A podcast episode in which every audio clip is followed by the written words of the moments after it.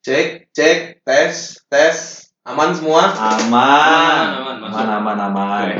Kembali lagi bersama kami Sukacita Podcast. Bersukacitalah senantiasa dalam Tuhan. Oke, kita bertemu lagi untuk ngobrol-ngobrol singkat ya.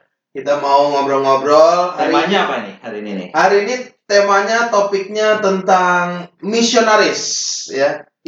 Misionaris nih. Misionaris. Seru banget nih, Bro. Tapi emang seminaris zaman sekarang masih mau jadi misionaris. Banyak, men. Banyak banget, men, yang mau jadi misionaris. Katanya tuh bisa jalan-jalan ke luar negeri, Bro. Oh, Yang penting berarti misionaris jalan-jalan tuh.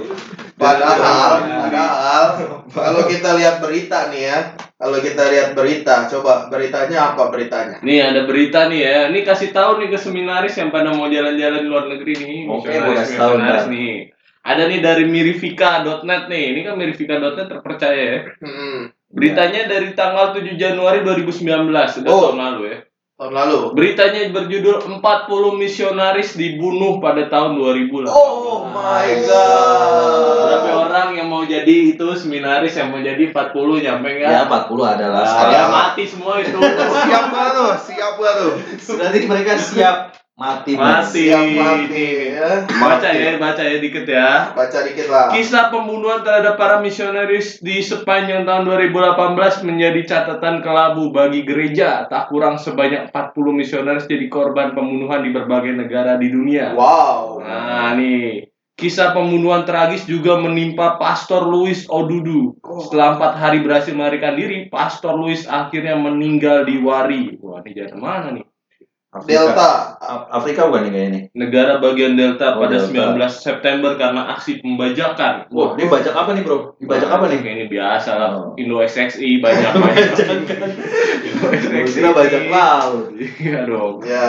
Beberapa negara nih di Afrika Tengah, Eh, Afrika Tengah, Kongo, Kamerun nih banyak korban misionarisnya nih. Banyak korban sekali. Jadi ya. benar mau jalan-jalan, mau jalan-jalan itu sebenarnya mikir lagi deh mereka deh. Mikir lagi. Ini harus disampaikan ke seminaris Anda ini, jangan macam-macam nih. Coba lihat berita lainnya deh. Katanya Romo Bekti udah nemuin berita nih. Berita lainnya ini dari penakatolik.com. Nah, ini juga pasti terpercaya nih Oh, ya. ada pena Katolik. Berita tanggal 23 Mei 2019 tahun lalu juga Paus Franciscus mengenang Suster Ines yang dibunuh di Republik Afrika Tengah. Wah, ini juga aduh, kita kalau lihat beritanya nih Suster Ines ditemukan terbunuh dekat rumahnya di Republik Afrika Tengah di pagi hari di ruang kerjanya. Aduh, penyerang tiba-tiba memasuki rumah suster lalu memberikan eh, memenggal kepalanya Wah, Dan- ampun. dan memutilasi tubuhnya. Aduh, Ini udah kayak orang kudus siapa tuh, Bro ya? Wah itu dipenggal kepalanya martir-martir tuh banyak Iya, ya. banyak, banyak, banyak. Itu Santa Paulus, Agatha. Santa Agatha. Santa Agatha Iya. dipenggal payudaranya nih. Lalu Santa ini siapa? Agnes enggak ya? Santa Agnes Nggak tahu. nggak tahu. Enggak tahu. Tapi lu cuma ya. ngomong doang ya. Kirain beneran dia. Iya. Banyak pengetahuan orang kudus saya kira. Gua kira lo jago, tapi kayak gitu doang.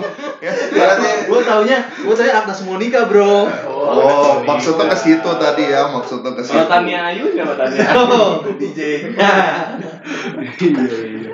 Iya, ini tadi Suster Ines ini 77 tahun loh, Bro. iya, gila ya masih di penggal kepalanya dimutilasi. Nih, tanya lagi ya, masih mau nggak tuh jadi misionaris?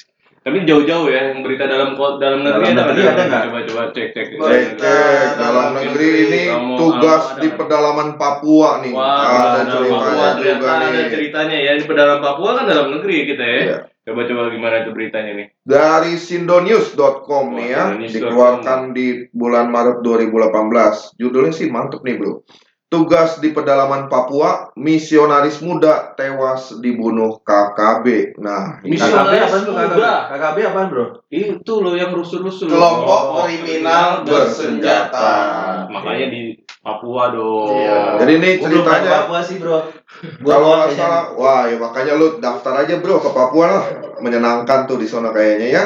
Seorang pelayan kesehatan yang juga misionaris muda, Bernie Valerie Kunu, yang usianya masih 24 tewas dibunuh sekelompok orang yang diduga kuat kelompok kriminal bersenjata. Dia dibunuh di kampung Kampung Yabarsong, Distrik Pamek, Kabupaten Pegunungan Bintang, Papua. Oh. Ini bukan Romo berarti ya? Bukan, ini Bukan. dia seorang pelayan kesehatan doang, coy. volunteer, volunteer. Misionaris muda ini. Misionaris muda. Ya, Maka ternyata memang tugas misionaris tuh berat, bro. Dia harus siap-siap deh Iya. sebenarnya. Iya, ini mempertaruhkan nyawa nih. 40 orang. Tadi yang dari luar Misionaris. negeri, dalam negeri ternyata juga ada bahaya, coy. Iya, ternyata tidak mudah juga jadi misionaris ya. Maka kalau daripada kita ngoceh-ngoceh nggak ada juntungannya, Karena kita, kita bukan ini juga kan? kita bukan misionaris, Misionaris, juga. iya. Sebenarnya misionaris juga, tetapi di perkotaan. Iya, Ya. misionarisnya melawan banjir aja. Melawan banjir ya. Iya kan? Melawan banjir loh. Maka daripada kita berlanjut-lanjut, mendingan kita langsung kontak misionaris sesungguhnya. Iya. Ya. Seorang imam Kuskupan Agung Jakarta ya, yang sedang ditugaskan. Misionaris ini punya julukan, misionaris satu ini. Apa julukannya tuh?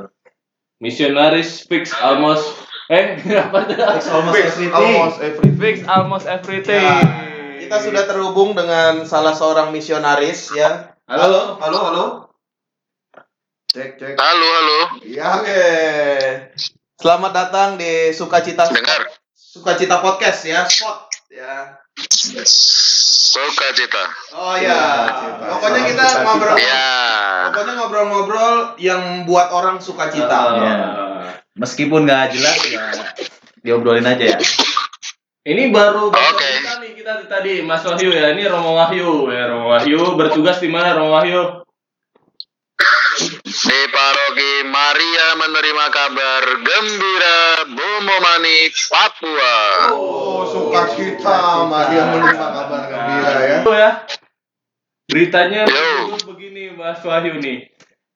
40 misionaris dibunuh pada tahun 2018.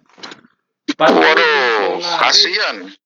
40 misionaris ya. Anda salah satunya tidak. Jadi Anda sudah siap dibunuh atau belum ini? Waduh. Itu yang dibunuh misionaris di mana itu? Di Afrika. Afrika. Tenang, tenang. Papua belum. Berarti di Papua belum. Akan tadi. Ya kalau resikonya itu ya mau apa lagi? Wah, ini memang jawaban luar biasa ya. tapi tapi pernah punya pengalaman nggak diserang orang, mau dibunuh orang, mau dipanah gitu? Pernah nggak punya pengalaman itu? Ya selama ini nggak pernah sih. Paling orang datang ke pastoran dengan kondisi mabuk, minta ini minta itu saja. Atau di jalan ada palang karena ada tabrak babi, atau orang benerin jalan minta uang di jalan. Paling paling gitu aja. Yang sampai mengancam nyawa sih sejauh ini nggak pernah. Kesehatan aja ya, lu ya kesehatan lu aja yang mengancam nyawa ya. Wah iya itu ya. Kalau sampai malaria itu juga mengancam nyawa sebenarnya itu. Malaria ya. Oh, malaria. Sudah Iya. kena, Ro- Romo Wahyu sudah kena malaria ya? Sudah kenal dan sudah kena. Gejalanya apa itu Romo? Gejalanya itu demam, kepala pusing. Demam itu kan panas tetapi badannya merasa kedinginan. Hebat kan malaria? Malaria tropikana. Oh. Oh. Itu kalau sudah menyerang otak, nah itu sudah seperti orang gila itu. Wah. Jadi misionaris bisa gila gara-gara malaria ya. Bisa jadi. Bisa mengong ya, bisa mengong. Mengong. Mengong. Oke, Romo Wahyu kita ada segmen namanya segmen tanya-tanya misionaris. Jadi silakan aja para Romo yang di sini kita mau nanya apa pun kepada Oke. Romo Wahyu ya. Kita mulai dari Oke. bakal mendidik para misionaris selanjutnya yang akan mati semua ya. Ya Romo Wahyu. Romo, ini kan para, Ya. Para seminaris nih banyak yang pengen menjadi misionaris. Katanya kalau di kota itu nggak ada tantangan ya. Di pedalaman Hmm. Papua itu banyak tantangan. Tantangan apa Iya. nih, Romo? Yang paling bikin para Romo itu harus berjuang mati-matian ya sampai menantang maut. Ya. Ya tentu kalau dikirim ke tempat misi harus menyesuaikan dengan kondisi alam sekitar. Nah, saya ini ada di pegunungan 1800 mdpl tentu harus siap dengan kondisi alam seperti itu yang pertama. Oh, tantangan alam ya. Maka kalau sudah alam sudah bisa bersahabat, ya, kedua dengan masyarakat kemudian ini yang Oke. harus terus diusahakan karena masyarakat di misi di mana pun pasti punya karakter yang berbeda dengan ya misionaris yang diutus. Setidaknya saya mengalami ya dengan orang Sukume di Papua Umumani ya mulai mengenal karakternya bagaimana kalau mereka berbicara bagaimana kalau mereka mengusulkan sesuatu. Ah, itu mulai belajar budaya juga Hmm. begitu Budaya nih pas nih. Jadi Budaya. belajar alam sama dengan budaya ya kan belajar mengenai kebudayaan masyarakatnya ya. Makanya kemarin pas Ya. liburan sama Romo Wahyu ya, dia masuk ke kolam air Hmm? panas aja udah nggak kuat ya. Iya. Dia Dan- Iya, kalau kolam air gua di sini Dingin. 10 derajat. Wah, derajat. derajat Udin dong ya berarti ya. Udara dingin. Iya, di situ kemarin kolam renang 40 derajat itu mah air mendidih kalau di sana udah bisa buat kopi di situ. Luar biasa. Masak telur matang dong. Iya, Udah nggak kuat. maka saya tidak kuat kemarin. Udah gak kuat panas ya. Romo Wahyu, Ya, di sono kan pegunungan tuh. hmm, Udah pernah naik pesawat apa aja? pesawat ya sejauh ini ATR tentu saja kalau dari Jakarta ke sono ATR yang bisa lewat. Kemudian kalau ke pedalamannya lagi ya ada Pilatus, ada karavan yang bisa untuk 10 orang sampai 12 orang gitu. Pernah naik Ya, sejauh Pilatus? ini Pernah naik Pilatus, Romo? Pesawat kecil? yang Pilatus belum pernah. Oh, belum pernah. Kalau ngelihat sudah pernah sih. Oh, ya. Naik itu, Romo. Bagus. Kalau bisa tahu. Ya nanti. Bukan misionaris. Kapan-kapan. Oh, iya. Ya, saya walaupun bukan misionaris tapi pernah naik Pilatus ya. Di YouTube ya. Di YouTube. Woi, Ya. Saya juga Romo. Mantap. simulator. ya. Flight simulator ada tuh. Lo ngambil SIM. Ngambil SIM, ya ujian ngambil SIM. Gak ada SIM-nya di sini. Oh, ada ya. Nah, Kesehariannya Gak ngapain? ada dong. Misionaris kesehariannya ngapain aja misionaris? Misionaris tempat saya bertugas ya santai-santai saja sebenarnya di sana. Santuy. Oke. Kalau anak zaman now santuy. Santuy. Yang penting sekut ya, sekut aja. Kalau dibuat santuy bisa.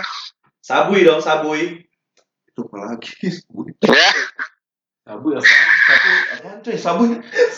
Sabu apaan sih? Enggak ada. Ini udah nggak ngerti tuh. Santai, santuy. Santuy. Sabu. Ya kalau di sini. Bahasa Jakarta Selatan ini. Sabui. ya tentu tugas sebagai pastor ya misa, ekaristi, sakramen-sakramen ya itu kalau sudah dilakukan ya sudah.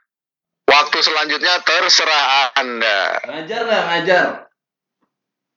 Ngajar ada juga, ngajar anak-anak TK, taman kanak-kanak. Ah. Ngajar apaan tuh? Ngajar apaan anak TK?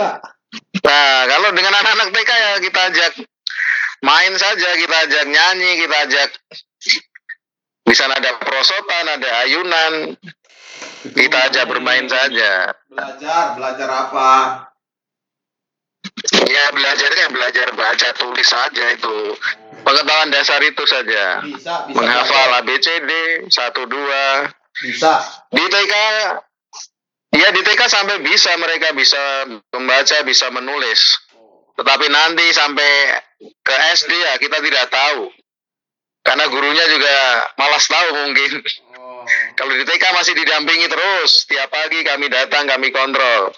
Kalau nanti mulai ke SD, ya kalau di sana itu kadang guru datang, murid tidak ada, guru tidak ada, murid tidak ada juga. Sering bolosnya di sana kalau anak-anak yang SD itu. Oh ya, Romo, Romo. Jadi kemampuan yang sudah didapat di TK, di SD malah hilang. Ya, Romo, di, saya lihat Ya, ya, ya, ya. saya lihat gambarnya di sana Romo buat kolam renang itu buat apa Romo? Ada Bunda Marianya lagi, Romo. itu alasannya karena saya mikir waktu itu kenapa mereka malas mandi kalau pagi itu. Oh.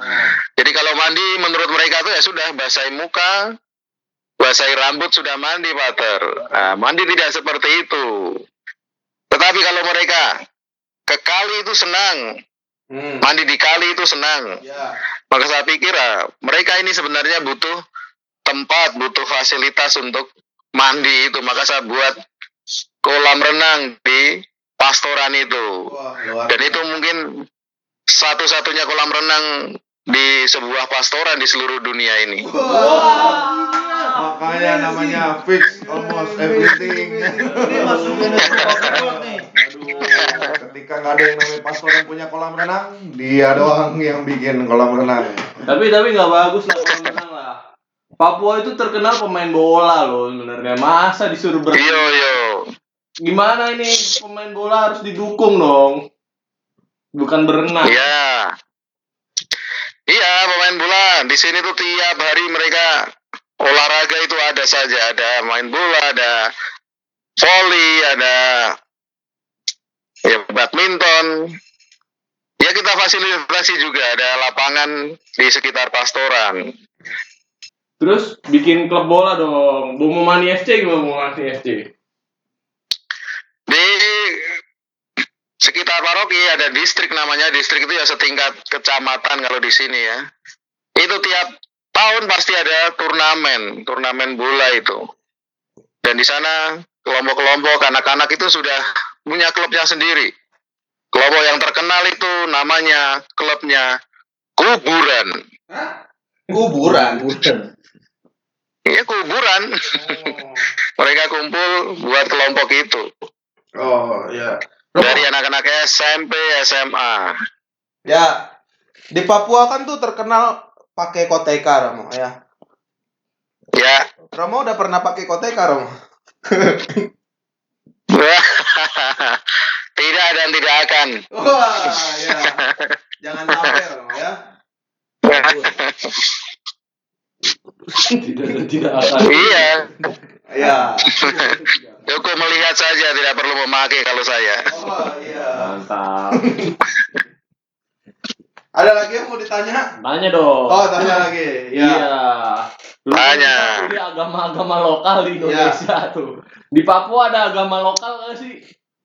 Ya kepercayaan mereka tradisi ya ada dengan menyebut Tuhan itu ya ya ugatame Tuhan yang menguasai alam itu. Dan mereka menjunjung prinsip kesetaraan ke apa? Prinsip ya yang keadilan begitu. Jadi kalau ada misalnya orang bunuh babi satu ekor ya mereka harus ganti juga. Mereka ambil di alam ya mereka Balas lagi. Tinggal ambil di alam begitu. Jadi mereka percaya Tuhan sudah memberi karunia kepada mereka di alam itu. Maka agama mereka yang mereka pahami ya ya ada yang di alam ya ambil saja. Jadi punya siapa Gitu. diambil aja. Kalau di alam. nah masalahnya di situ. Kemudian timbul masalah di situ. Punya siapa pun karena itu muncul di tanah ya sudah ambil Berarti ini fine. kadang tidak peduli punya siapa Finder is owner. ya bisa begitu penemu adalah pemilik Penemu adalah pemilih tahun 2020. Ganti, ganti. Dulu is finder is Troublemaker. ya begitulah Begitu. dengan masyarakat di sini Iya. Tetapi di sini ada keutamaan di sini ada masyarakat itu kalau di ru- rumahnya datang saudara, datang famili dari jauh mereka pasti akan menerima mereka, berapapun jumlahnya. Waduh. Ada satu keluarga, ada namanya Pak John Butu, dia ketua dewan dan juga kepala distrik. Di rumahnya itu dia menampung 25 anak dari familinya. Tinggal di satu rumah 25 anak. 25 anak. Bisa dibayangkan bisa dibayangkan makannya bagaimana di situ. Tetapi karena mereka punya kesadaran itu bahwa saudara juga harus diterima, nah di situ mereka terima keluarga-keluarga yang dari jauh itu di rumahnya. Itu kalau hari biasa 25, kalau hari libur khusus bisa jadi 40 Oh, orang di rumah itu. ya. Dan mereka ya entah bagaimana caranya mencukupi kebutuhan mereka dengan makan, dengan beras, dengan nuta atau ubi singkong itu. Oke. Itu keutamaan yang saya temukan di sana. Mantap. Oke. Gitu. Langsung semua saudaranya bisa masuk 25 itu ya. Masuk tinggal di satu ru- rumah. Hmm. Iya, pantesan nih Vano juga kayak gitu. Semua seminaris masuk kantornya dia. Iya. So, boleh. ya mungkin semakannya sama itu sama sukume di Bumani itu. Hukumnya dia. Berarti cocok kayaknya di. Cocok, cocok. Bisa direkomendasikan berarti itu. Ah, itu dia. Iya, cocok. waktu tes pakai filter Instagram aja juga gitu, mix race kan dia. Papuanya sebenarnya dia, Papuanya. Ya, cocok lah. Rasanya udah sesuai lah. Ya. Oke, Romo. Eh, terima kasih sharing-sharingnya. Ya. Selamat ber. Segini doang. Hah? Segini doang. Ya kita mah nggak level kalau panjang-panjang Iya. pusing kita. Pak. Podcast sebelah agak panjang kayaknya podcast sebelah. Soalnya kalau panjang-panjang nggak ada yang dengerin. itu sudah. Segini aja nggak ada yang dengerin. ya. Thank you. Selamat bertugas. Oke, yuk. Yo. Sama-sama. Yo, thank you. Yo. Selamat berlibur. Libur baik. Sampai liburan. Udah lagi kerja deh ini. Gimana? Tuh ya, kita dapat barusan dengar sharing dari misionaris asli langsung. Misionaris fix almost everything. Misalnya fix almost everything. Jadi emang menurut kesaksian orang yang baru dari sana berkunjung itu ya, semua alat-alat dan mesin-mesin berjalan. di Wah, luar biasa. PLTA, ya ada PLTA kan di sana. Ada generator. Sejak Romo Wahyu datang, semua mesin-mesin itu hidup.